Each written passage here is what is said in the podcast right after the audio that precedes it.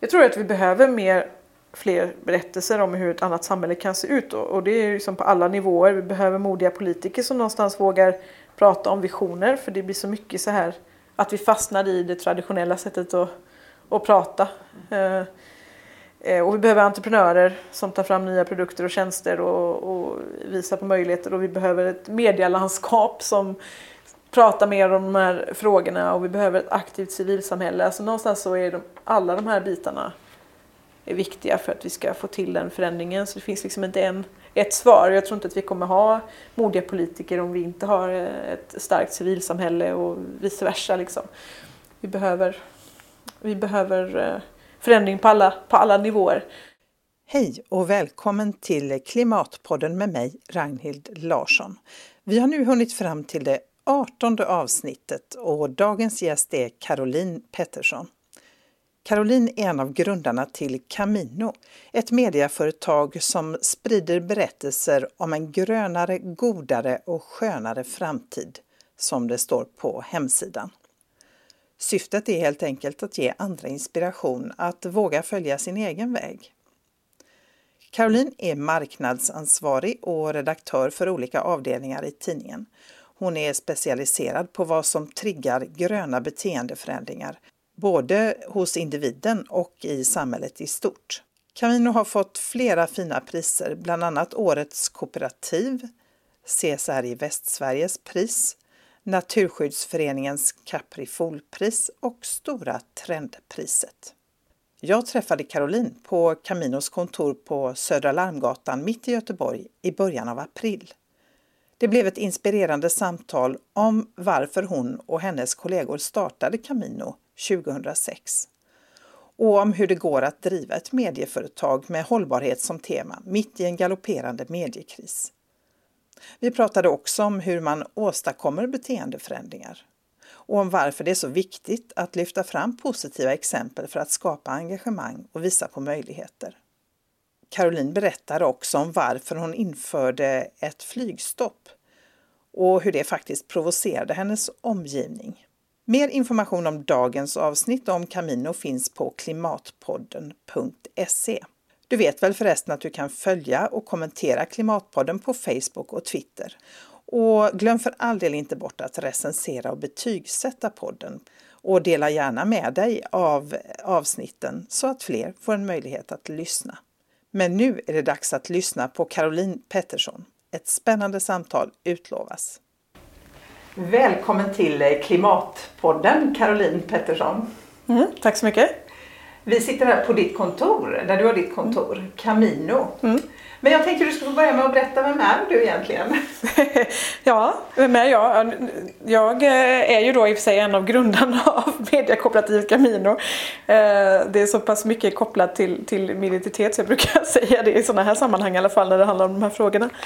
Eh, så jag var med och startade det här företaget 2007 och vi håller ju då på med att förmedla berättelser på olika sätt i i text och bild och eh, även ord. eh, för att liksom inspirera andra och visa på hur vi kan förändra världen på olika sätt genom, genom positiva berättelser och historier. Ja, och ni har en tydlig inriktning på det här, ja. positiva berättelser. Ja. Och det kan man ju säga skiljer sig då ganska mycket från mm. vanlig journalistik där mm. det är väldigt mycket problemfokuserat. Ja, och det var väl det var ju en av våra liksom eh, eh, drivkrafter när vi, när vi fick idén till Camino. Att, eh, det, det fick vi ju 2006 och det var ett år när det hände väldigt mycket, inte minst med klimatfrågan. Det var mycket rapportering då. Eh, Al Gores film hade kommit ut och, och så vidare. Så det, det, skrevs väldigt mycket i media om de här frågorna på ett ganska dystopiskt sätt. Så eh, jag och min kompis Johanna, eh, vi eh, vi började fundera mycket på vad man skulle kunna göra. Liksom. Och vi hade egentligen en massa andra idéer.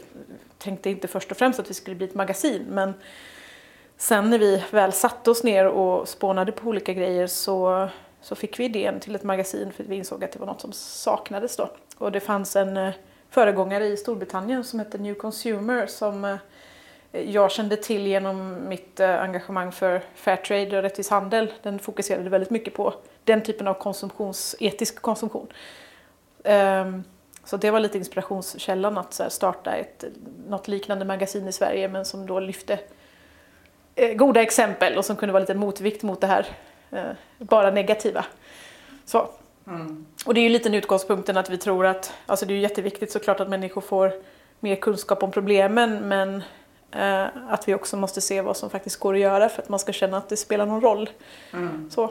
För vad är risken annars mm. tänker jag? Jag menar om man, om man tittar nu på traditionell media mm. så är det ju ändå väldigt Mm. Nej, men risken tror jag är att man känner sig maktlös och, och man pacificeras istället för att man inte känner att det, man inte kan påverka. Så det finns ju ganska mycket forskning kring det. Jag har inriktat mig ganska mycket på det här med beteende. Att om vi, om vi inte liksom, eh, tror att vi kan göra skillnad då kommer man inte heller att försöka. Så det är ju jätteviktigt liksom, att, eh, att faktiskt känna att, att, att man kan bidra på något sätt. Och det vill vi lyfta fram.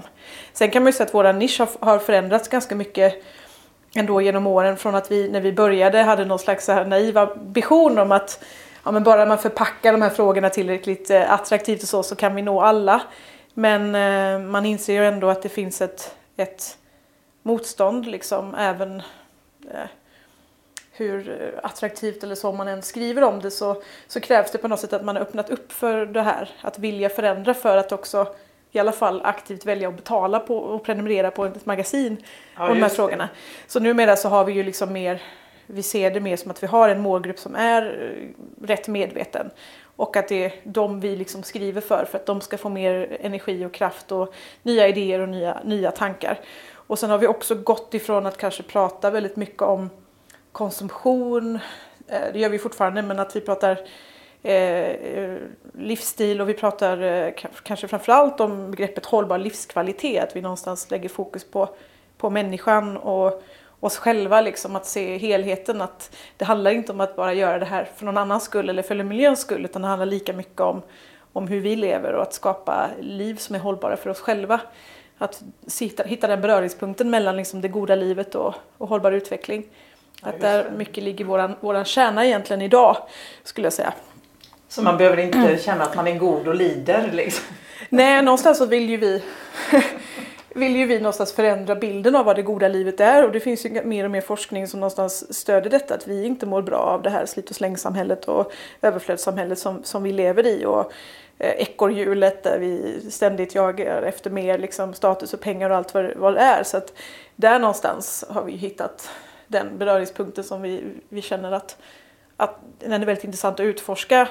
Och vi har haft teman liksom kring minimalism och enkelhet till exempel och där vi ser att det finns en otrolig längtan efter sådana berättelser. Människor som kanske känner att man vill någonting annat. Sen är det många som kanske inte vågar ta det, det klivet då. Men bara det faktum att det finns en sån rörelse av människor som kanske kallar sig minimalister är ju rätt spännande. Liksom. Att ah, nej, jag tänker göra tvärtom och rensa bort så mycket som möjligt och på så sätt hitta fram till meningen med livet. Så ja. att det här med att vi drunknar i våra prylar.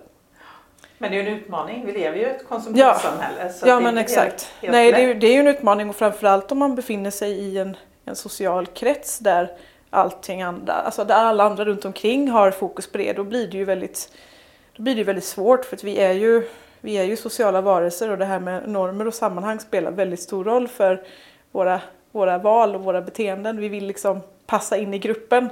Så att många kanske känner att det där känns ju skrämmande för jag eh, då skulle jag avvika för mycket. Och, ja, då måste man, det är ju lättare om man redan befinner sig i ett sådant sammanhang. Jo, det är klart. Såklart. Annars får man söka sig till ett nytt sammanhang, vilket kanske man inte alltid är beredd att göra då. Nej. Så, eller man får vara en väldigt självständig person som är så övertygad och inte bryr sig om vad andra i ens, i ens krets gör. Så. Ja. Du, jag, bara det här, jag tycker det är spännande det här med att, att ge hopp kontra mm. att måla upp problemen. Alltså, mm. Det är en ständig balansgång. Ja, det är en balansgång. Och, och, och, jag tänker det här, för det finns ju också risken om man ger människor för mycket mm. hopp och så att ja, men allt löser sig. Absolut. Jag behöver nog inte ändra så mycket i min livsstil. Jag kan väl mm. fortsätta. Det är liksom, eller ja, ingenjörerna löser detta eller mm. Ja, mm. eller vad vet jag. Det, det, är nog inte så illa som det Nej. verkar trots allt. Och samtidigt som det är som du säger att om mm. man målar upp en för svart bild mm. då kan man ju lika gärna gå till baren och fortsätta Exakt. dricka. Ja. Nej men det där är helt sant. Det är absolut en risk och, och det är ju en balansgång vi, vi liksom vi, vi kanske inte aktivt behöver diskutera det så mycket för någonstans så, så är det så här underförstått att vi tar avstamp i problem och vi värjer inte för att skriva om de problemen och vilka utmaningar det är.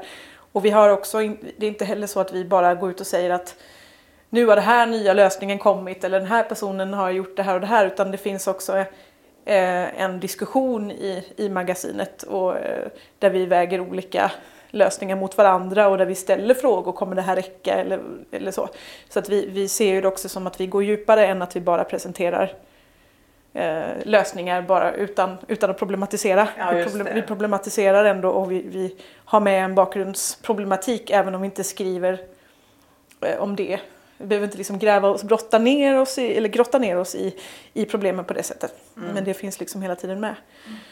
Ehm, men det är absolut en viktig poäng att det, det finns en risk också för människor bara eh, tror att ja, men allting går ju, går ju bra liksom, behöver inte jag göra någonting. Så är det Mm. Ja, men som sagt det finns ju väldigt mycket av det andra, problemfokuseringen. Så ja, det, det, och sen i och med att vi skriver om människor som väljer att leva på andra sätt så om den personen som läser det inte har tagit det steget så blir det ju ändå som någon slags så här, ja det där, så där skulle man ju kunna leva. Precis, ja. andra möjligheter. Andra möjligheter, mm. absolut. Mm. Mm. Eh, vad är det du vill uppnå med ditt engagemang skulle du säga? Ja, det, eh, det är ju lite olika. Så på en personlig nivå så är det ju är det ju väldigt mycket liksom att, att, att leva det liv som jag själv tror på någonstans. Att, att, att, vara, att leva som jag lär. Att jag, för mig har det blivit viktigt att, att jag känner att jag mår bra av det. Och allt ifrån liksom att jag driver det här företaget som ju är en stor del av min identitet till hur jag lever på fritiden. Sen är det såklart då utifrån en större perspektiv att man då hoppas på något sätt kunna inspirera andra att också våga eh, följa sin egen väg. Alltså det, Camino betyder ju väg eller stig. Och det är ju inte så att vi, vi säger att det finns en väg, så, den enda Nej. sanna vägen, utan alla får ju liksom hitta sitt sätt.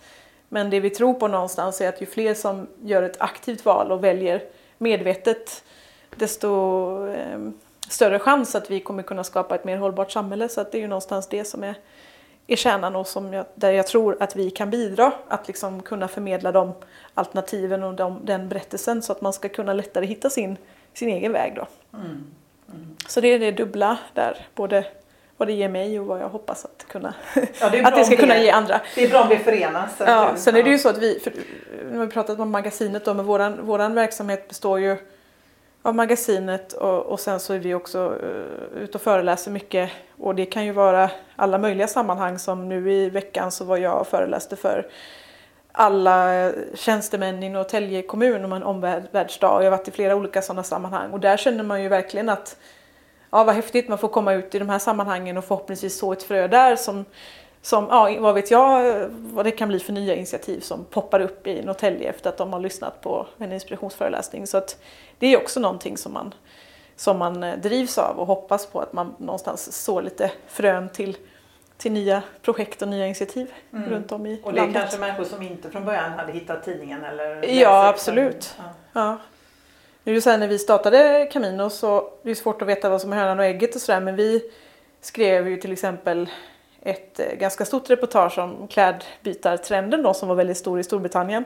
Och så var vi själva med och arrangerade ett av de första, i alla fall officiella, eh, klädbytardagarna här i Göteborg.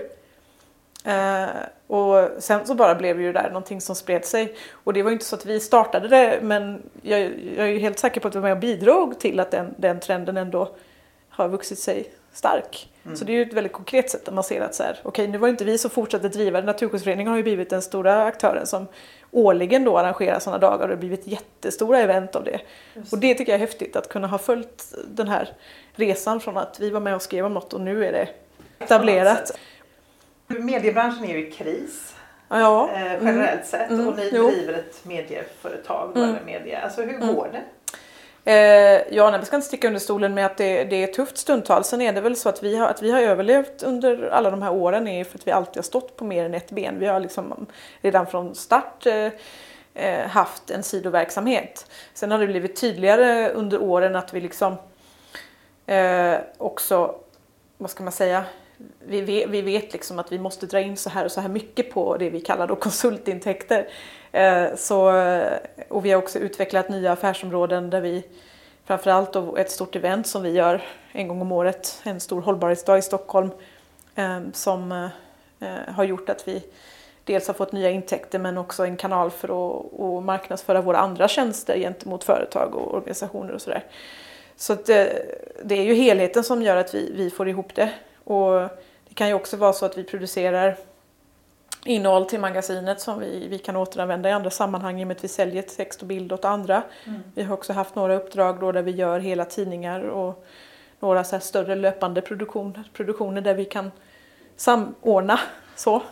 Men det, det tuffa är ju absolut att, att få att, att vad ska man säga, upprätthålla eh, magasinet och dess prenumerantbas och de intäkterna är vi ju ändå liksom beroende av. Och sen är det också så att magasinet är grunden i vår, vår andra verksamhet. Så vi har ju haft diskussioner under åren om vad skulle hända om vi helt plockat bort det och vi satsade bara på vår andra verksamhet. Men någonstans har vi alltid landat i att det, nej, det kan vi inte göra. För att det här är, dels så brinner vi för det här och, och förmedlar de här berättelserna.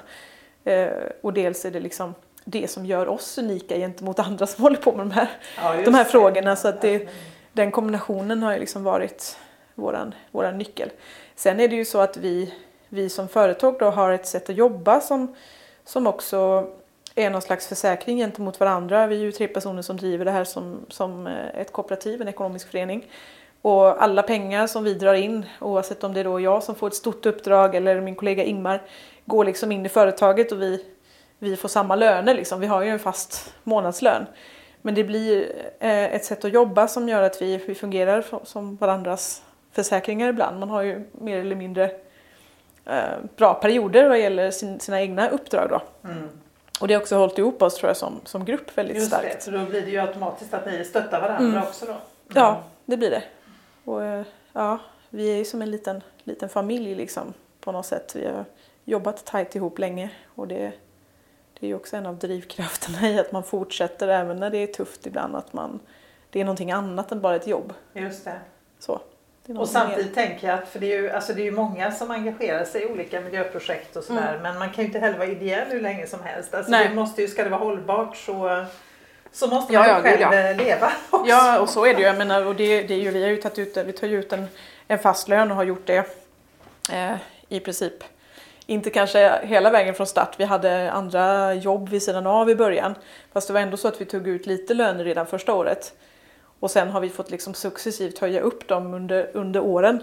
Men eh, det är klart att det är inte någonting vi blir rika på det här, i alla fall inte rent ekonomiskt. Men vi har väldigt mycket annan, annan frihet som, som har vägt upp hela tiden och att man känner att man har eh, ja, kan styra sin arbetssituation så pass mycket mm. i, i det och få jobba med det man tycker är viktigt. Liksom.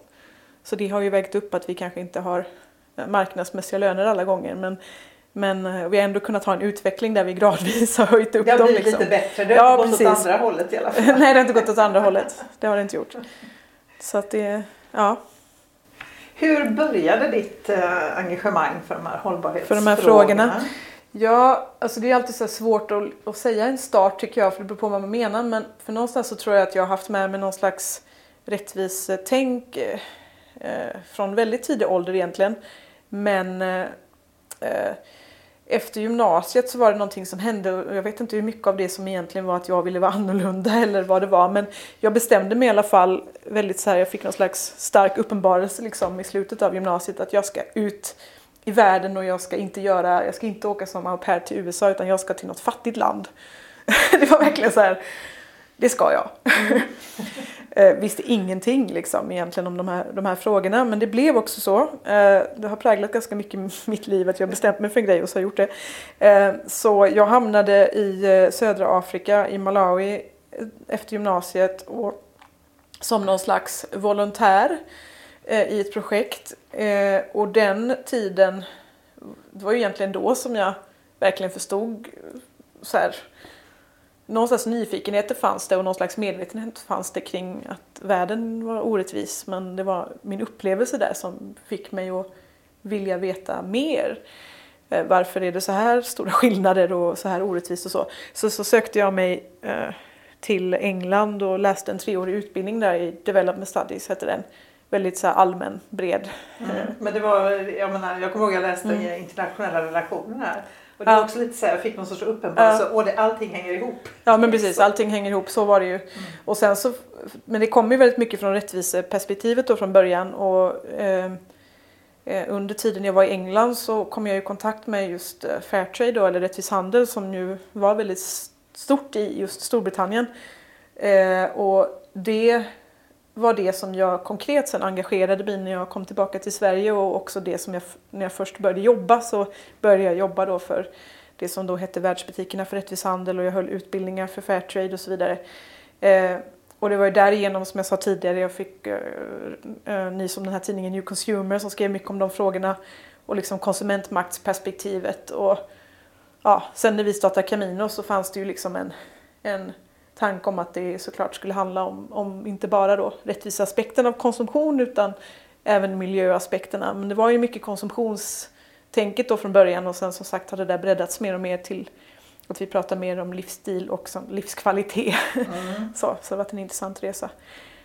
Eh, men eh, ja, jag, jag är fortfarande präglad tror jag av att jag ändå har rättvisetänket i grunden. Att jag kan ju känna det ibland när när man diskuterar ekologiskt till exempel, att jag nästan kan bli provocerad av att det är argumenten om hur farligt det är för våran, våran del att äta eh, eh, konventionella produkter som folk går igång på. För jag vet ju att rent statistiskt så är det så att vi, vi människor någonstans kanske tilltalas mer eller lyssnar mer på den typen av argument men i, sett i relation till de farorna som de som odlar eh, kaffe eller vad det nu är och vad de utsätts för så kan jag liksom känna att nästan bli, bli arg.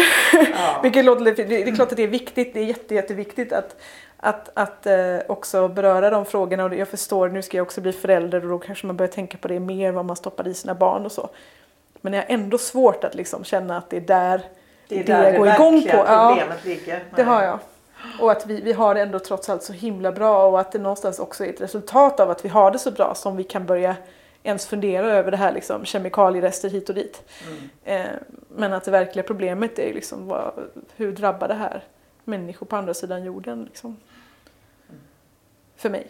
Mm. Jo, Sen ska man inte polarisera för det är viktigt att ha helheten, att, att se att det, både, det här handlar både om, om liksom hälsa och eh, Ja, förhoppningsvis hänger etik. det ihop tänker mm. jag. Att det ändå mm. inte är så att mm. det som är bra för mig är dåligt för någon annan. Utan förhoppningsvis är det ju så att det som är bra för den som ja. odlar det här i något utvecklingsland mm.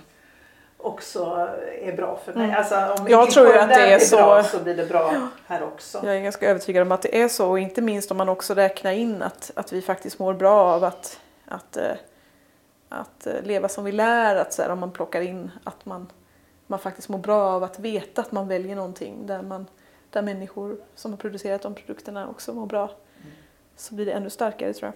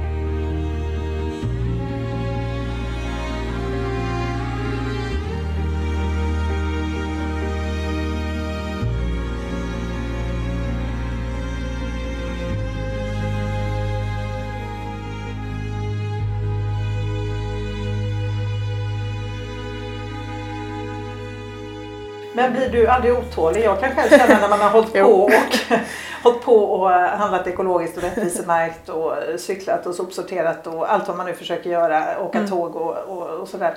Alltså att man kan bli, drabbas av någon sorts oändlig trötthet. Man känner att det mm. går ju så långsamt och vad spelar det? Alltså inte så att jag funderar på att sluta göra det men mm. Alltså att problemet måste ju också på en annan nivå. Alltså mm. jag kan bli, och det var ju delvis därför jag startade Klimatpodden. Därför jag kände mm. att politikerna pratar knappt om denna fråga i mm. valrörelsen. Och tidningarna, de vanliga tidningarna och vanliga media tar knappt upp frågan heller. Mm. Det är inför något klimatmöte och sådär men det är mm. väldigt lite med mm. tanke på hur stor vikten av ja, absolut. är. Ja, eh, nej men så är det helt klart. Sen så, sen så måste jag ändå säga att jag i det här arbetet jag har så har jag ju förmånen att ändå eh, få intervjua och träffa väldigt många olika människor på olika positioner i samhället. Och eh, jag tycker ändå mig se att det finns en helt annan medvetenhet och insikt om detta på ganska hög nivå i samhället och det är ändå stora företag som har eh, insett att de måste ställa om hela sin, sin verksamhet. Bara höra en sån sak som att Ikeas hållbarhetschef eh, tror att vi har nått eh, peak furniture som han uttryckte det i, i tidningen Guardian att vi kommer inte fortsätta köpa så här mycket möbler utan Ikea kommer behöva ställa om och fokusera på, på delande ekonomi och cirkulär ekonomi och så. Och sådana berättelser får jag höra mer och mer av och företag som också inser liksom att, ja, som det här citatet “There is no business on a dead planet” som jag tycker man hör allt fler företagsledare säga. Att man förstår någonstans att vi kan inte fortsätta driva våra affärer ifall, ifall liksom jordens resurser inte räcker till. Så att jag ser ju ändå att eh, alltså politikerna är ju alldeles för mesiga och många gånger så ligger företagen längre fram ja, och kräver liksom att man ska instifta hårdare lagar och, och regler och så. Och sen finns det också, jag var nere på klimattoppmötet i Paris och mötte ju civilsamhället där, eller klimatrörelsen. Och vilken enorm mångfald den består av numera med olika typer av grupper, religiösa samfund, ursprungsfolk, eh, fackföreningar. De har liksom lyckats förena väldigt många olika, olika grupper som kämpar för sin sak och det finns den här otåligheten då finns ju där men den har också gjort att man faktiskt eh, börjar ta saken i egna händer på väldigt konkreta sätt. Eh, Naomi Klein har ju skildrat det här i sin, sin film This changes everything där hon tittar på olika grupper som gör motstånd runt om i, i världen och, och, att det faktiskt också får effekt många gånger att de lyckas i sin, sin kamp. Så att, ja, för att väga upp det då så, så, så ser jag ju ändå att det, vilket engagemang det finns och, och eh, ja, det går att göra skillnad och historien visar ju ändå på massa exempel där vi har lyckats vända eh, utvecklingen och åstadkomma förändring. Det som mm. väl oroar mig är väl liksom om vi ska hinna i tid och vi har ju såklart mycket som också går åt fel håll med främlingsfientlighet som växer i samhället. Vi har ledare som Donald Trump som man liksom fascineras över hur de överhuvudtaget kan ha, ha, ha någon som vill ja, är... rösta på dem så. Men det är ju lite det här, jag tror att vi, vi lever i en tid där det är, människor känner mycket rädsla omedvetet också av, på grund av klimatförändringar och så kanaliserar man ju den rädslan på olika sätt och tyvärr så är det inte alla som kanaliserar den åt rätt håll och där behövs ju alla krafter såklart och se till så att vi, eh, vi använder den rädslan och den ilskan då och slår åt rätt håll. Mm. Jo, verkligen. Ja, det var ett, ett långt invecklat svar kanske. Ja, men det är väl som vanligt då tänker jag historien att förändringskraften kommer ändå mm. underifrån på något mm. sätt. Den är inte, det, mm. Man ser inte jättemånga politiker, och det finns ju undantag men det är inte jättemånga ja, den kommer ju, Den kommer ju underifrån men den kommer också uppifrån på så sätt att jag ser det hända inom näringslivet. Så, och sen så, så finns det ju ändå exempel där inom politiken också. Vi hade vår hållbarhetsdag nu i Stockholm och Isabella Lövin berättar om deras kamp för att få till en ny fiskepolitik inom EU. Alltså det finns ju politiker som verkligen slåss för att få till förändringar och som också lyckas. Men det är någon slags aktivism inom politiken som också krävs såklart. Eh, man måste vara väldigt otålig bara inom politiken och man kan inte räkna med att förändringar sker över en natt. Så. Nej. Ibland när man själv funderar på om man ska ägna sig åt politik så känner jag ju det att där, där skulle det vara jobbigt just tror jag. Ja, att det är så tröga För att det är så trögt ja. Mm. ja. Sen vad gäller det här med som du sa att ja, spelar någon roll vad jag gör och min egen livsstil och så. För mig har ju det blivit mer det är ju ingenting som jag ser som en uppoffring utan jag cyklar till jobbet och för att jag också tycker att det är ett mycket bättre sätt att transportera mig på. och jag äter vegetariskt och tycker att det är godare och roligare och det är också mer hälsosamt för mig. Så att mycket av de vanorna som, som har kommit med att man är medveten har ju liksom blivit vanor som man vill ha. Um, en av de svåraste grejerna där, där jag väl fortfarande känner mig kanske frustrerad eller hopplös ibland, det är, är ju resandet.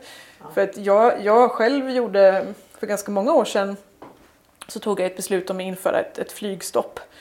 Eh, och, och sen så har det där, det var meningen att det bara skulle bli ett år men det blev tre, fyra år och sen så bröt jag det när eh, ett, ja, ett tillfälle som jag liksom kände att nej, men nu, det här vill jag verkligen göra så då ska jag inte avstå.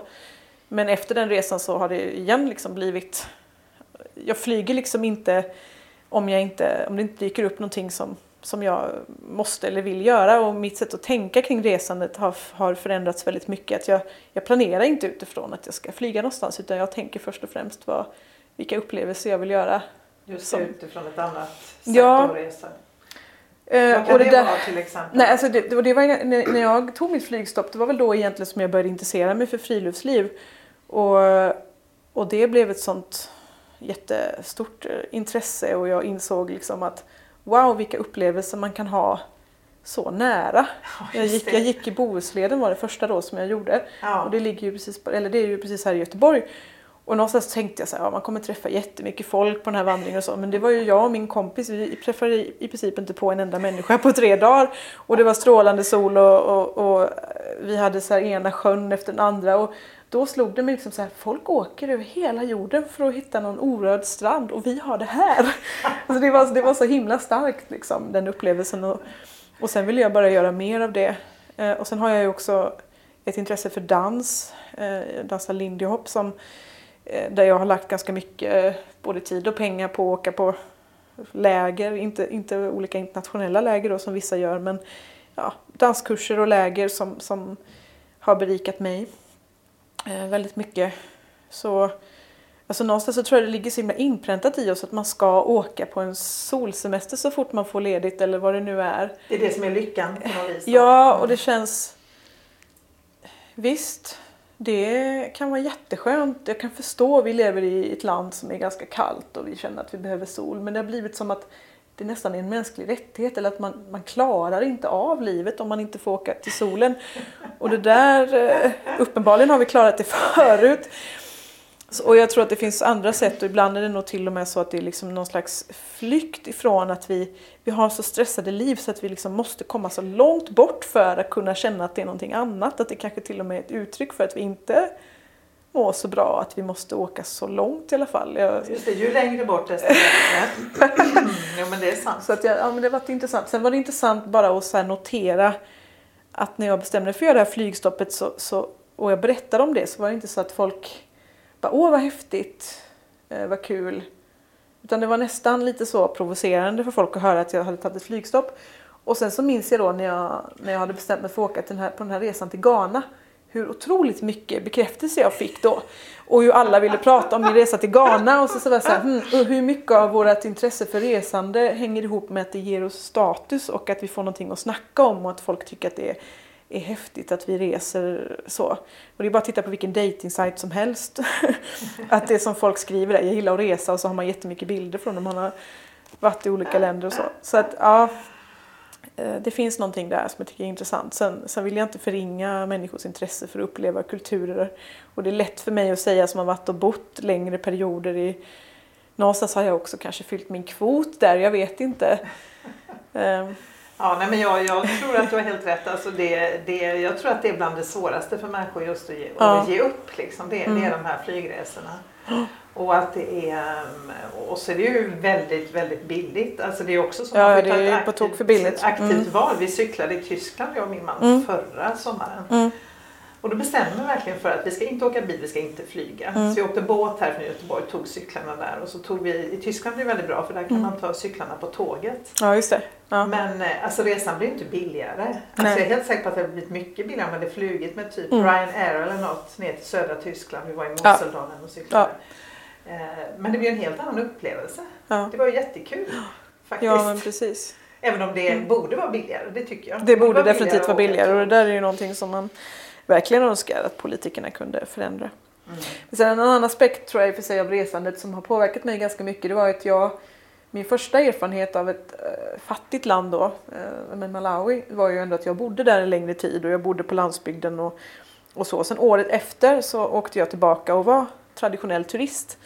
Och jag reste inte bara i Malawi utan jag reste i några av grannländerna och jag blev så otroligt ledsen då när jag såg hur andra turister, och då pratar vi backpack-turister då som ofta tror att de är bättre turister än, än andra.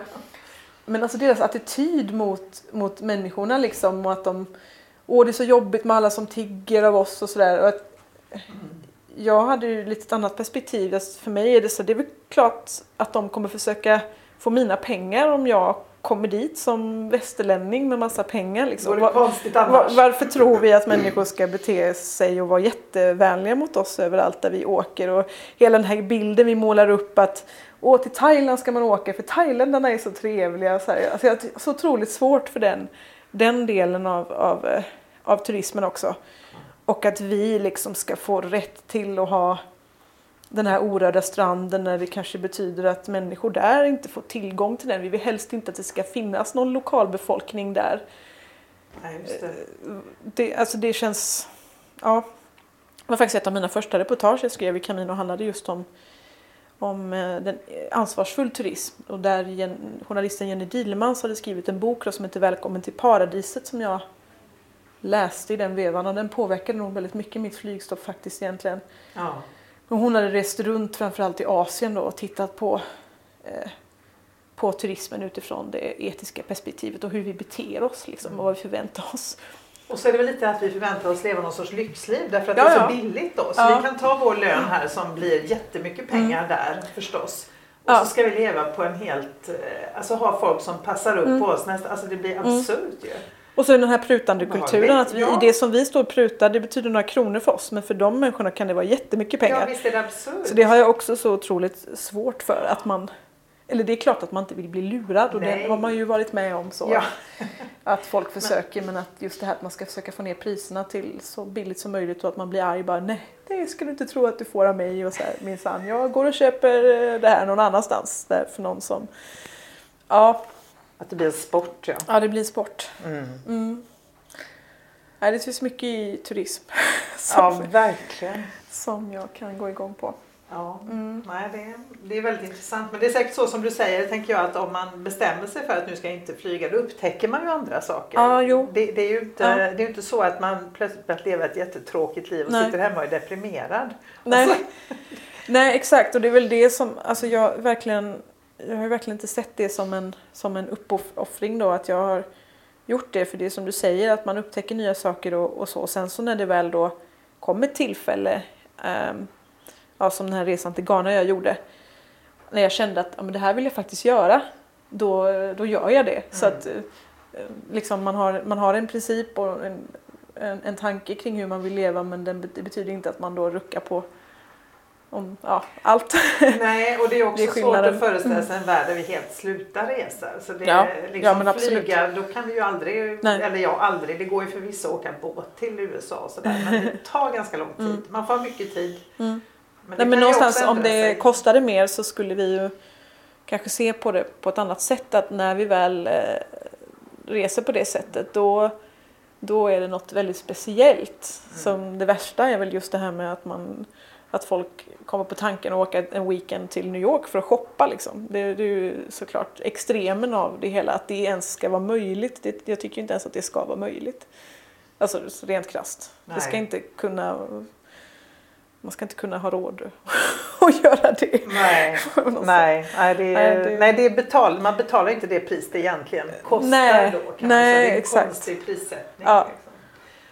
Vad tänkte jag på, har du har du klimatångest? Nej, alltså det är klart att man ibland kan få, få ångest liksom när man, man hör vissa eh, fakta och så. Men det är väl återigen det här med att jag har ett jobb där jag hela tiden matas av de här berättelserna och, och ehm, eh, engagemanget som finns som, som ju gör att jag, jag fylls på så himla mycket med, med hopp och, och möjligheter liksom. Så det, Och att du gör någonting tänker jag. ja, och att jag gör någonting också. Man Så- får väl den största ångesten tänker jag när man inte man ser problemet men Japp. Mm. vet inte riktigt vad man ska göra. Jag intervjuade en, eh, Mm. eh, Patrik Franke som är teaterregissör i ett tidigare avsnitt och han sa det, han kände en väldig ångest inför Mm. det. här. Men det blev en väldig lättnad att jobba. Han jobbar, Ja. skrivit en pjäs, Grismanifestet, om eh, klimatproblemen. Just det. Och eh, då, eh, han sa att det lättade verkligen. Alltså Mm. det blev någon sorts positiv energi av det som gjorde Mm. att han fick kraft. Då. Mm.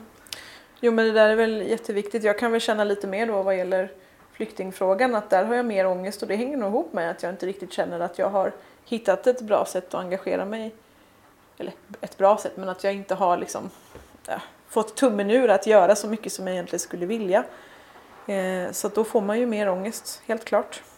Så att engagera sig är ett väldigt bra tips för den som känner klimatångest och så. Sen så får jag väl erkänna att jag, jag tillhör ju de som, som faktiskt eh, eh, ja, jag, jag tittar ju på mycket så här tunga dokumentärer. Om jag väljer vad jag ska, om jag tittar på TV då väljer jag en tung dokumentär före en lättsam såpa och det är inte för att jag tycker att eh, av någon slags moralisk plikt utan jag vill inte se den där såpan. Liksom. Ja, jag har funderat mycket på det. Här. Och ibland så tänker jag ju så att jag omedvetet liksom ser detta för att någonstans fylla på min, eh, mitt bränsle. För att det, det är klart att jag tittar på någonting och jag blir arg och det gör att jag känner mig stärkt i att jag gör rätt, i, har rätt i mitt engagemang. Ja, liksom. just det. Det driver Så- dig vidare Ja, eh, samtidigt så vill jag ju såklart inte att det ska, jag vill ju såklart att det ska bli bättre så att jag vill ju inte att det, att, att det ska vara så hemskt som i den där dokumentären men jag tror att, man, att jag med jämna mellanrum liksom känner att ja, jag måste fylla på lite för att inte tappa, tappa gnistan liksom. Mm. Eh, plus att jag, för, jag får, för det andra får jag ju, jag får ju hoppet och inspirationen så det kanske handlar också om att få en motvikt mot. Hade jag jobbat med någonting som bara var negativt och tungt då hade jag kanske tittat mer på, på annat på TV, jag vet inte. Ja, jag känner ju verkligen inte igen mig i det här med att när man, människor säger att Nej, men jag måste titta på något och bara koppla bort hjärnan. Att jag blir stressad av sånt jag inte tycker om. Du tycker Eh, det känns meningslöst på något sätt då eller? Att se sånt här? Men jag blir provocerad, alltså jag blir arg, det blir jag negativt arg på. Att jag blir arg över att liksom det, eh, nu, nu generaliserar det finns ju jätte, det finns ju saker som jag, som jag också tycker är, är roliga liksom. Men, men om det känns meningslöst och om värderingarna bryter mot mina, om vi tar en amerikansk sitcom där det är liksom vissa könsroller, så jag kan liksom inte ta det ena utan det andra. Nej. Så att jag kan inte tycka det, det är bra om, om etiken inte stämmer överens med min. Då blir jag liksom bara arg av det och då vill jag stänga av och byta Ja. till något annat. Jag kan inte se det som av, det är för mig inte det avkoppling. Nej, nej, då blir det tvärtom. Det blir Du får tvärtom, pulspåslag Ja, helt enkelt. Precis.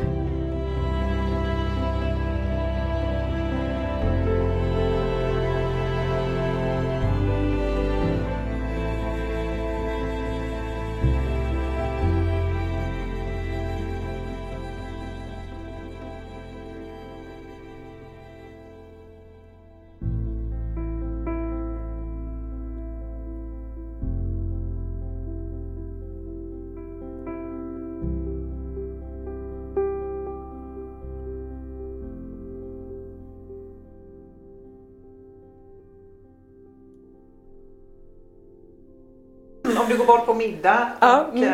eh, ja, en sån här vanlig middagskonversation tänker jag med vänner och sådär. Eller Mm. ja, människor, ja det kan ju vara, jag vet inte, du kanske, ofta är det ju så att man umgås kanske med de som är ungefär som Mm. en själv. Men Jo. om du hamnar på en bjudning där det är folk du inte då känner, tar du upp Mm. de här, pratar om såna här saker, om hållbarhetsfrågor och klimatförändringar och så eller? Alltså någonstans så kommer frågan under kvällen vad jag gör. Ja, jag menar Ja. det. Och då blir det antingen Eh, då visar det sig antingen att någon, jaha vad spännande. Eller så blir personen lite så här, jaha. Och då kanske det inte blir så mycket mer prat om det. För det mesta så tycker jag nog ändå att folk blir ganska intresserade och nyfikna när jag berättar vad jag gör. Och, och sådär. Och snarare ibland så är det som att jag själv, själv känner att nej, men nu blir det för mycket fokus på jobbet och jag, jag kanske helst vill prata om någonting annat då. Så att det brukar ofta eh, ofta ändå vara andra som blir intresserade. Och jag upplever väl att det där ändå har förändrats, att det generellt sett finns en högre medvetenhet. Sen är det vissa frågor man kan komma in på kring kött och så, där det finns starka åsikter. Oh ja. Så ja, att det, det händer att man hamnar i diskussioner fortfarande, men jag tror att jag har blivit bättre på att ta mina strider också. Att jag inte längre liksom... Eh, alltså man vet att man inte kan övertyga alla eller frälsa alla och då, då är det bättre att... Det är lite liksom meningslöst att lägga sin energi på Ja. eh, de personerna kanske. Lite så. Ja. Eh, och för deras skull också, det är tråkigt att skapa dålig stämning. Men jag, jag vet inte, det, det, det händer fortfarande. Jag är väl liksom en, ändå ganska så, en person som gillar att diskutera och kan gå igång så andra kanske kan uppleva det som att vi har ett gräl när jag tror att vi har en, en eh, diskussion. Just det, en animerad diskussion. Ja. Så är det nog ganska ofta. Vad tänkte på? Du har ju då specialiserat dig på det här, hur Mm. man åstadkommer eh, beteendeförändringar, gröna beteendeförändringar som du kallar det för, hos individen och i samhället i stort. Vad, vad, alltså, Mm. vad, är- vad är de största hindren? För att man brukar ju säga att det är Mm. bland det svåraste där att åstadkomma beteendeförändringar. Mm. Alltså, det finns ju flera saker. Om vi tar klimat och miljöfrågan så är väl det vanligaste man brukar lyfta upp i de här sammanhangen eller om man tittar på de psykologerna som allt fler ändå uttalar sig i de här frågorna eller beteendevetare säger är ju just att att vi har så svårt att se, eh, se och ta på att det här verkligen händer. Det ligger så långt borta och det sker för långsamt och vi, det finns, en, finns inte en direkt koppling mellan mitt beteende och att någonting direkt förändras. Liksom. Om jag väljer ekobananer eller jag väljer att inte äta kött så det är ingenting vi kan se resultatet av. Och det är en av de absolut stora utmaningarna. Det är bara att, att jämföra ändå med, med eh, eh, hälsa. Att trots att även när vi vet att någonting på ett väldigt konkret sätt skulle bli bättre för oss så har vi ju även då, eller redan då, svårt att, att göra en, en, en förändring. Liksom. Och då är det klart att det är ännu svårare när, när det är så här abstrakt. Så att, eh, men det andra hindret där då, som gör att vi har svårt att förändra vår livsstil i, i allmänhet, är ju att vi är, no, vi är trots allt vane, vanedjur. Vi har en massa inlärda beteenden eh, allihopa och det vore väldigt jobbigt att hela tiden eh, behöva gå runt och tänka att jag ska förändra mitt beteende. Eller det är jobbigt att behöva göra det. Så därför är det också så att vi, vi, har, eh, vi anpassar ju våra attityder utifrån hur vi lever. Att, och utifrån våra attityder så, så tar vi också in kunskap. Så det är ju ett av problemen med att det räcker inte med att förmedla ut kunskap för människor kommer placera den kunskapen, i, filtrera den och se om den passar in i den Exakt. världsbilden. Så att ehm, det, eh, det är en av de svåra, svåra utmaningarna liksom. Och att, att, med de här frågorna då så handlar det ju om att vi måste känna att vi får någonting tillbaka för att göra en, en, en förändring eller vi kanske känner att alla andra börjar göra det så därför hakar vi på för att vi, vi gör som andra gör. Ja. Eh, och i dagsläget är det ganska så här lätt att luta sig tillbaka och titta, nej men ingen annan verkar göra något så då gör inte jag heller någonting. Så.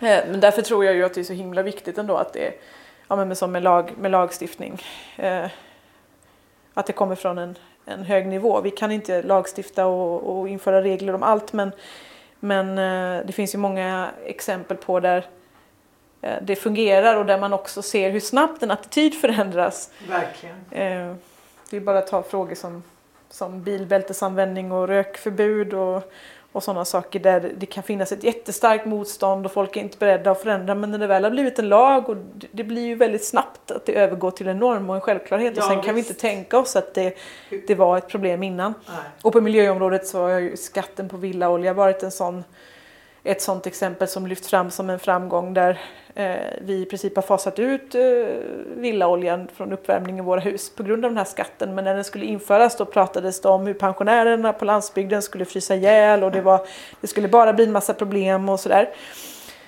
Eh, så att det är väl hoppet i det här då att att vi är ju så otroligt anpassningsbara när vi väl kommer till kritan. Men vi har väldigt svårt att, mm. att eh, det är jobbigt i början. Ja. Liksom, att behöva göra en beteendeförändring. Så att vi behöver hjälp och vi måste titta på hur kan samhället och hur kan vi på olika sätt eh, hjälpa människor åt rätt håll och vi måste vara ödmjuka inför det. Det är väldigt lätt att så klandra men herregud folk borde fatta det här nu och förändra. Men utifrån den kunskapen om hur vi fungerar så blir man mer ödmjuk och förstår att det är inte så himla lätt. Man har, man har vant sig att leva på ett visst sätt så det är klart att det är jobbigt. Liksom. Det kommer mm. någon där och talar om för mig att jag inte ska få fortsätta köra bil till jobbet.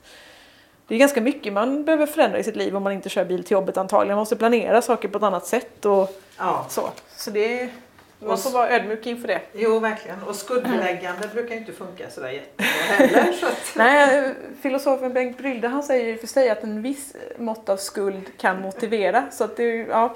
Men eh, nej, jag tror inte att skuldbeläggande fungerar. Däremot så tror jag att det delvis kan vara eh, en drivkraft eh, ibland. Att man faktiskt... Jag tror att det är viktigt ändå varför man gör en beteendeförändring. Ehm, det finns ju liksom olika förhållningssätt till det här. Vi måste ge morötter, det måste vara ekonomiska incitament till exempel. Det är ju ett, en väg att gå och det fungerar väldigt bra i, i vissa fall med miljöbilspremier och annat.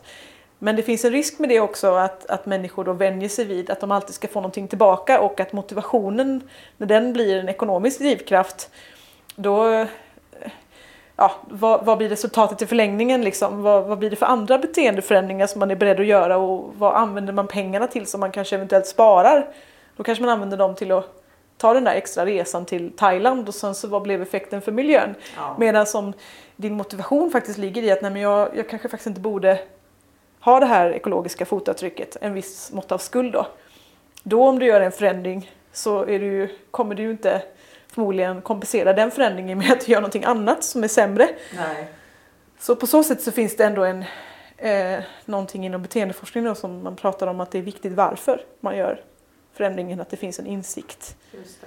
Det. Eh, och det kan vara en risk då med, med eh, att bara prata ekonomiska incitament till exempel. Mm.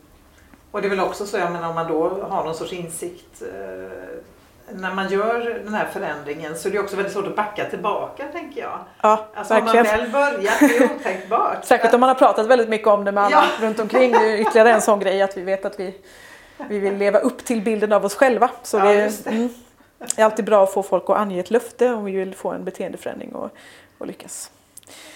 Mm. Eh, känner du att du eh, till viss del har blivit en sån förebild att du liksom påverkar andra? Att eh, mm. förändra sitt beteende? Ja, i viss utsträckning så tror jag ju det. Um, sen är det så här, när man tar familjen då som ett exempel så kan man väl känna ganska tydligt ibland att, att uh, även om jag tror att jag har påverkats så, så vill familjemedlemmarna gärna själva att det ska visa att det kommit från dem då. För att det någonstans blir ett sätt att ja men titta vad jag kan eller liksom, eh, ja jag vet inte. men det är klart att man ändå påverkar. Sen kan man säkert påverka åt andra hållet också. Att folk blir trötta på en och tycker att nej men det där, så där vill inte jag vara.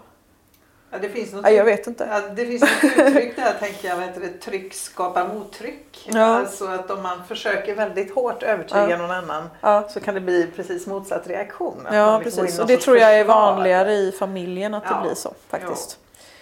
Um, det tror jag. Mm. Det är klart att nej, som nu umgås man ju man umgås ju som regel i en, i en bubbla och då är det ju så att man um, inspirerar och påverkar varandra ändå. Mm. Mm. På ett positivt sätt? På ett positivt sätt för, mm. det, för, det, för det mesta skulle jag säga.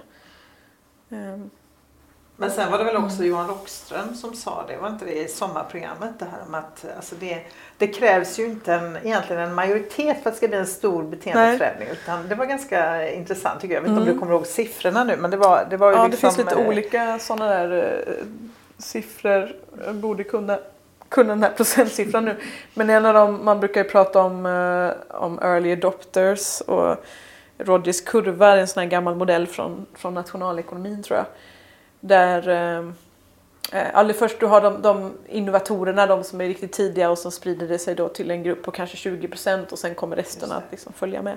Men då har man tittat på allt ifrån hur nya produkter och trender eh, tas emot i samhället. Då.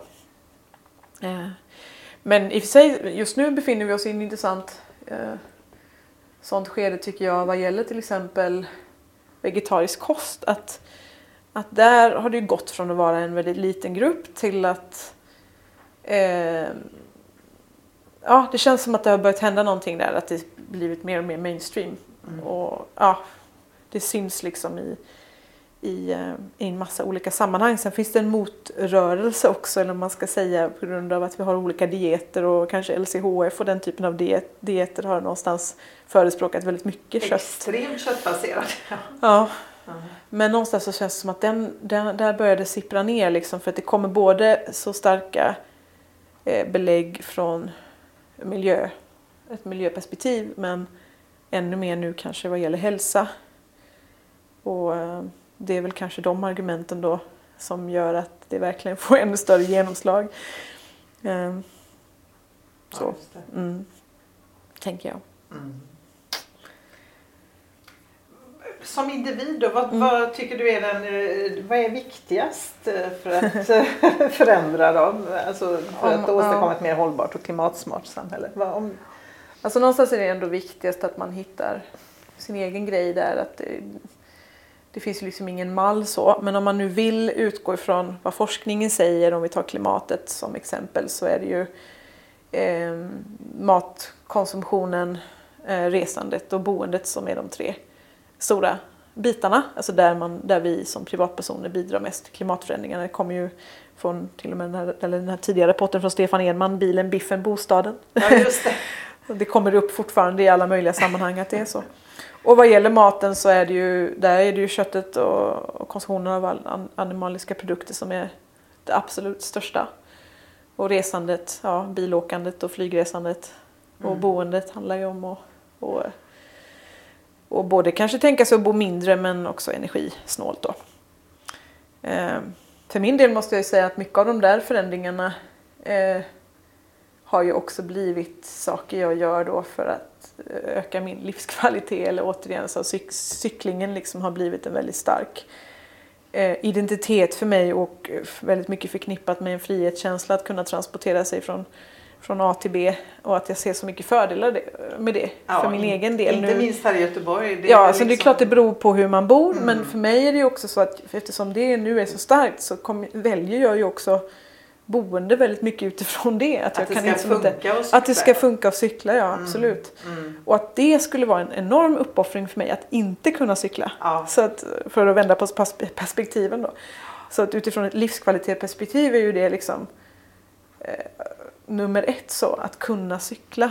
Mm. Eh, sen nu när jag eh, har varit gravid här så har jag haft turen att, att få eh, en elcykel och det är väl eh, en av dem eh, var väldigt länge sedan jag var så frälst. Känns som att jag pratar om det här jämt. Men eh, att kunna vara gravid och cykla snabbare än eh, träningscyklisterna där på gatan som lägger sig i suget. Och, alltså det är sån otrolig frihet och det är ingen belastning på kroppen och sådär. Utmaningen för mig kommer vara att gå tillbaka till min vanliga cykel sen. Eh, att fortfarande motivera mig att sätta mig och trampa med motstånd. Kommer du att göra det då?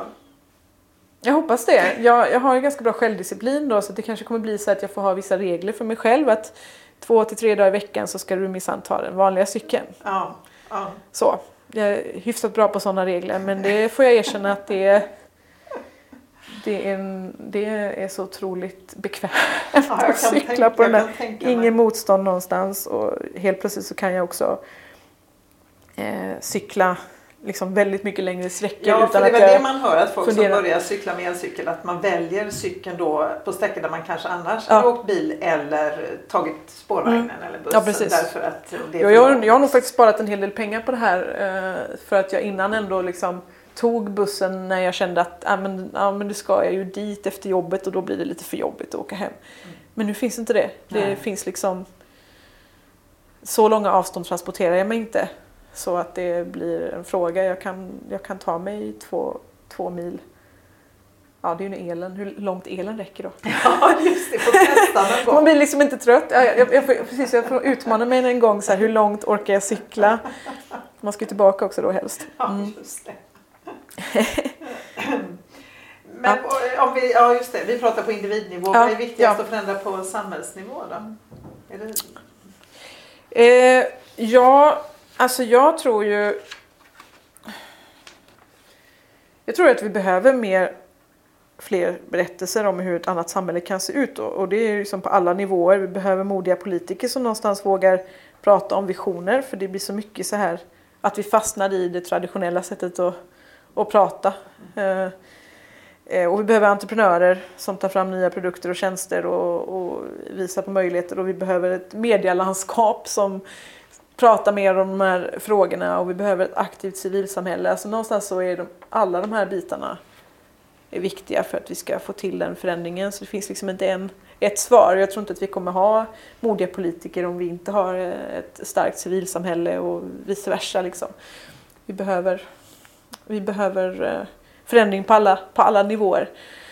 Och det är väl ändå där någonstans, ja, man känner väl dubbelt men att jag ändå ser att det finns den här medvetenheten och insikten på, på olika nivåer och att eh, ja, det måste, vi måste hjälpas åt och stärka varandra. Och se till så att det är de goda krafterna som, som drar det längsta strået. Mm. Och det är väldigt dubbelt som du var inne på Mm. förut idag. Alltså det, det sker ju så mycket parallella Ja. saker. Både väldigt bra saker och väldigt skrämmande. Ja, En väldigt skrämmande utveckling också. jo det är ju det. Men någonstans så, så återigen, jag tror ju många människor känner en, en rädsla och en oro eh, inför framtiden av en massa olika skäl och då eh, är det lite så här vilka lösningar presenteras för mig. Ehm, och vi har en tendens kanske att välja lätta lösningar som inte känns så stora. Mm. men det finns ju en, en, en möjlighet i det om vi kan använda den här ilskan och frustrationen och rädslan och kanalisera den åt rätt håll. Det är ju jättesvårt men jag tror att det är det vi måste göra. Hur kan vi hjälpas åt och få med oss människor som, som faktiskt Någonstans så, så är vi många som delar den här oron och frustrationen men vi slår åt olika håll. Och vi, varför slår vi åt, åt på, på andra svaga istället för att slå uppåt? Mm. Ja, du menar det kommer ur samma oro? Ja, sätt delvis så gör det ju det. Sen är det klart att man har olika referensramar och, och att det är lättare för mig då som befinner mig i ett sammanhang eh, med en viss typ av människor och jag har ändå fått vissa privilegier som kanske inte alla har. Man bor, man kan tänka sig, man bor på någon liten förort någonstans där väldigt många industrier stängs ner, man drabbas på ett konkret sätt och så vill man ha någon att skylla på. Alltså så är ju inte min vardag, inte, drabbar ju inte mig kanske på samma sätt eh, utan jag känner ju av en frustration och rädsla Eh, på andra områden men i mitt liv har ju inte kanske påverkats negativt av det då. Och det är väl där det blir en skillnad. Ehm, eller jag tänker också unga arga män som kanske har svårare i skolan. Det är en grupp som faller utanför. Och, ja, det är ju en, en, frustration som bottnar i att man känner en hopplöshet inför sin egen situation och vad man själv ska göra med sitt liv. Det är väl Mm. det som är skillnaden tror jag. Mm. Det var ett jätteintressant eh, inslag på radio förresten idag apropå, det, apropå hållbarhet också. De hade insett det här att de som det inte gick så bra för i skolan mådde väldigt ofta ganska dåligt också. Ja, och det så man hade börjat jobba i den ändan då med Mm. att ta tag i de här eleverna. hade satsat Mm. mycket på att ha personal som inte var lärare, Mm. alltså typ skolvärdinna och allt vad det nu var. Mm. Och de hade ju sett en väldig skillnad där i det. då. Alltså bara en sån enkel sak. De hade Mm. något café tror jag där de liksom kunde dit de här eleverna kunde komma och sitta och prata och sådär. Och de aktivt ringde och hörde av sig till dem de visste var hemma och kanske inte kom till Mm. skolan och sådär. Och där har ju blivit en enorm skillnad. Så Ja, men det, det där tror jag ju på. Det är ju lite det här livskvalitetsfokuset som Ja, vi har. Att faktiskt. vi någonstans måste utgå ifrån eller jobba med så att människor mår bra. För att ja, det är jätteviktigt.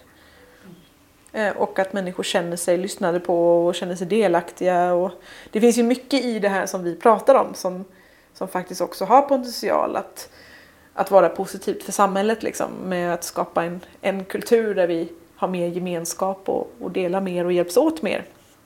Eh, att det, det budskapet skulle man ju vilja liksom omsätta i mer exempel också som, vi, som kanske kan fånga upp då vissa mm. av de här människorna som hamnar utanför. Mm. Eh, jag läste någonstans där att du har sagt att ni tror på det här berättelsens kraft att förändra. Som jag ja. håller på med storytelling tycker jag det är lite spännande då. Vad, vad, skulle du säga, vad är det som gör att berättelser är så kraftfulla då? Alltså, det är väl någon, det ligger ju långt tillbaka i vår historia, gör det inte det? Man har suttit framför lägerelden och berättat historier. Um, alltså det handlar väl om att göra någonting mer levande. Att, att människor uh, Eh, kan relatera och känna. Så, att beröra. Mm. Att beröras. Att om man bara läser någon forskningsrapport eller någon, något abstrakt, det är väldigt svårt att känna någonting med det. Men en berättelse, det är en individ som har en upplevelse, det, det, ju, det blir man berörd av och känslorna är väldigt viktiga här i, i att skapa ett engagemang. Mm. Um, så. Mm. Nej, enbart fakta räcker ju uppenbarligen Nej. inte för då hade vi inte haft det samhälle Nej. vi har nu. Så. Nej, men exakt. Och så, så, i vårt fall det är ju människor som någonstans delar de här värderingarna och då vill man, man vill få det konkret också och höra hur andra har gjort. Man vill inte bara ja, ha något abstrakt så här, så här skulle man kunna göra utan man vill kunna höra hur, om hur någon har gjort och hur resan såg ut och vilka var utmaningarna. Och, och inse att de ja. också är människor. Ja, liksom. precis. Mm. Mm. Hur, mm. mm. hur kommer det att påverka dig nu när du ska bli mamma då, i ditt eh, sätt att leva? Ja, nej, men det där är någonting som jag, jag ändå funderar en del på eftersom än så länge har jag inte upplevt det som en, någon utmaning eller uppoffring eftersom jag kan välja helt själv då. Eh, har liksom bara mig, mig själv att behöva ta ställning till. Så att det, det kommer ju säkert bli en utmaning när jag får frågor och när eh, mitt barn kanske vill vill få saker eller fundera på varför vi inte åker på solsemestrar och, och annat. Då. Mm. Eh, och där är det såklart att man måste vara, ha en balansgång i att inte bara säga så här, nej, så här gör inte vi, utan det är ju också viktigt att hon måste få känna, nu vet jag att det är en tjej, men att, att, att hon också måste kunna känna eh, en tillhörighet och känna sig accepterad och inte bli att hon inte ska bli behandlad som udda av andra. Ja, just det, det hon ska risken. också leva i ett eh, Ja, i man måste, det, det kommer jag behöva förhålla mig till. Ja. Att det, det är någonting som kan också skada ett barn ifall man prackar på för mycket att vi gör så här och så struntar man i hur samhället i övrigt ser ut. Mm. Och göra sina egna upptäckter och val och ja. Samtidigt är jag helt övertygad om att hon kommer att bli väldigt starkt präglad av ditt engagemang. Ja, men det kan ju också bli så att hon slår, att hon slår bakut ja, liksom, under en period. Sen så tror jag att det jo, kanske jo. då på något sätt kommer det kanske tillbaka. Men, men eh, man kan inte jag kommer inte kunna styra det. De måste ju få bli sin egen individ och sen kan jag försöka förmedla vissa värderingar och försöka förklara varför jag tycker vissa saker är viktigt. Och, ja, eh, förhoppningsvis ge henne en massa upplevelser som, som eh, hon kan bli stärkt i och om vi fortsätter eller jag ser till att cykla och hon, för henne blir det en naturlig del. Det är så man transporterar sig. Liksom. Mm. Så kanske det kommer kännas jättemärkligt att sätta sig i en bil. Just för det. att det är inte naturligt. Nej. För henne. Så att Till sist undrar jag, hur ser din vision av ett hållbart samhälle ut? Om mm. du nu får bestämma, liksom, här har fria händer, hur skulle det bli då? Jag tror ju på ett samhälle som, som präglas i mycket större utsträckning av att vi hjälps åt och delar på det vi har. Eh, och att liksom, det finns en mer en känsla av att vi jobbar åt samma mål. Eh, ett av de största problemen eller utmaningarna vi har egentligen i dagens värld är, är klyftorna mellan människor som jag ser det. Den, det är ju inte bara de facto att det är orättvist att det ser så olika ut utan det skapar också distans människor mellan. Vi kan liksom inte relatera till varandras världar och det skapar frustration. Att, jag har ju läst mycket då författaren Lasse Berg som han har skrivit ett antal böcker om människans ursprung och historia och där han ju menar att vi, vi är gjorda för att leva i, eh, ja, med, med, med, en extrem jämlikhet egentligen. Nu är vi inte gjorda för hierarkier liksom. att det finns studier som visar att redan små barn går igång på orättvis behandling. Alltså till och med spädbarn reagerar mot orättvisor. Och att det finns så starkt hos oss. Eh, så att, ja, jag tror ju att någonstans många av de, de konflikter och, och, problem vi har i samhället bottnar i den här frustrationen att ja, varför får inte jag rätt till detta? Mm. Och att lösningen ligger mycket i att försöka skapa ett samhälle som är mer präglat av värderingar kring solidaritet, hjälpas åt och så vidare.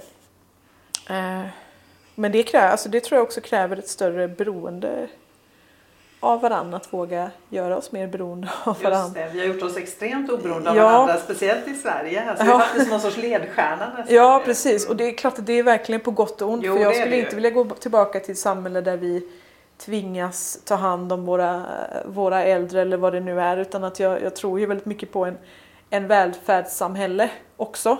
Men det är en, en, en balansgång där såklart. Att, att också skapa eh, eh, ja, skapa en känsla av att man, man vill hjälpas åt och att det, vi inte drivs av att det är jag som individ som ska lyckas. Liksom. För det, jag tror inte att det är bra för någon. Vi mår inte bra av det och vi jämför oss med andra och vi blir stressade och det är svårt att känna sig nöjd någon gång. Mm. Och vi behöver det... känna oss behövda. Mm. Alltså, ja, vi, det är verkligen. Grund, grundläggande mm. också. Sen är det ju en stor utmaning är ju detta att vi vet att vi människor har en väldigt starkt beroende av gruppen. Då. Eh, och att någonstans har vi, bygger vi ju kanske ibland då våran egen gruppkänsla på att vi tar avstånd från en annan grupp. Och hur kan man då skapa det här samhället där vi, nej men vi, vi, vi kanske har en liten grupp men det behöver inte betyda att vi ska avfärda andra, det ska fortfarande finnas en global solidaritet. Liksom. Hur, kan vi, hur kan vi lösa det? Eh, eller går det att vidga människors liksom, gruppkänsla till att omfatta hela, hela mänskligheten då? Eh, I vissa sammanhang kanske går det och i vissa menar att vi måste ha ett yttre hot då, så det får komma någon slags eh, eh, rymdskepp med utomjordingar hit så att vi får känna att det är vi människor mot resten av världen. Men ja, så drastiskt hoppas man ju inte heller att det ska bli då. Så det är väl en av de sakerna man funderar mest på för någonstans verkar vi vara gjorda för att ändå leva kanske lite mindre enheter. Mm. Jag tror ju mycket på det här ändå mer kollektiva tänket också att vi, vi har skapat ett väldigt sårbart system i dagens samhälle där vi, vi ska klara allting själva som en familjeenhet och vi alla som har småbarn sönderstressade, relationerna tär på varandra. Ehm, jag ser själv, jag har ju bott kollektivt många år och, och vill kunna fortsätta bo kollektivt i någon form även nu när jag får barn sådär. Mm. Olika typer av bogemenskaper som nu framförallt finns för äldre. Den typen av eh, boende skapar ju också helt andra möjligheter för att dela på saker och att ha en vardag, en, en stor familj. Som, ja, verkligen, verkligen. Som man väljer i större utsträckning också än om man är om det handlar om att bara det ska vara ens egna biologiska familj. Där tror jag ju att det finns också någonting lösningar. Ja, ja. Jo, som tur är finns det många lösningar. Så jag, jag önskar dig lycka till det fortsatta arbetet med, ja, med Camino. Att åstadkomma, förverkliga den här visionen om ett mer mm. hållbart samhälle. Ja, precis. Ja. Och nu ska jag gå in i en liten annan fas här också och ta lite ledigt från just Camino det, eh, för första gången på länge. Men, eh, ehm, Ja, lycka till med det också. Ja, ja precis. Tack. Tack så jättemycket. Tack. tack. tack. Du har lyssnat på Klimatpodden med mig, Ragnhild Larsson. Dagens gäst var Caroline Pettersson. Du hittar mer information om Caroline och Camino och om Klimatpodden på hemsidan klimatpodden.se. Vi finns också på Facebook och Twitter. Sök på Klimatpodden så hittar du. Signaturmelodin är skapad av Tommy Kaso. Musiken i dagens avsnitt är Naming Stars One by One och She av Chad Lawson. Loggan till Klimatpodden är gjord av Hannes Larsson.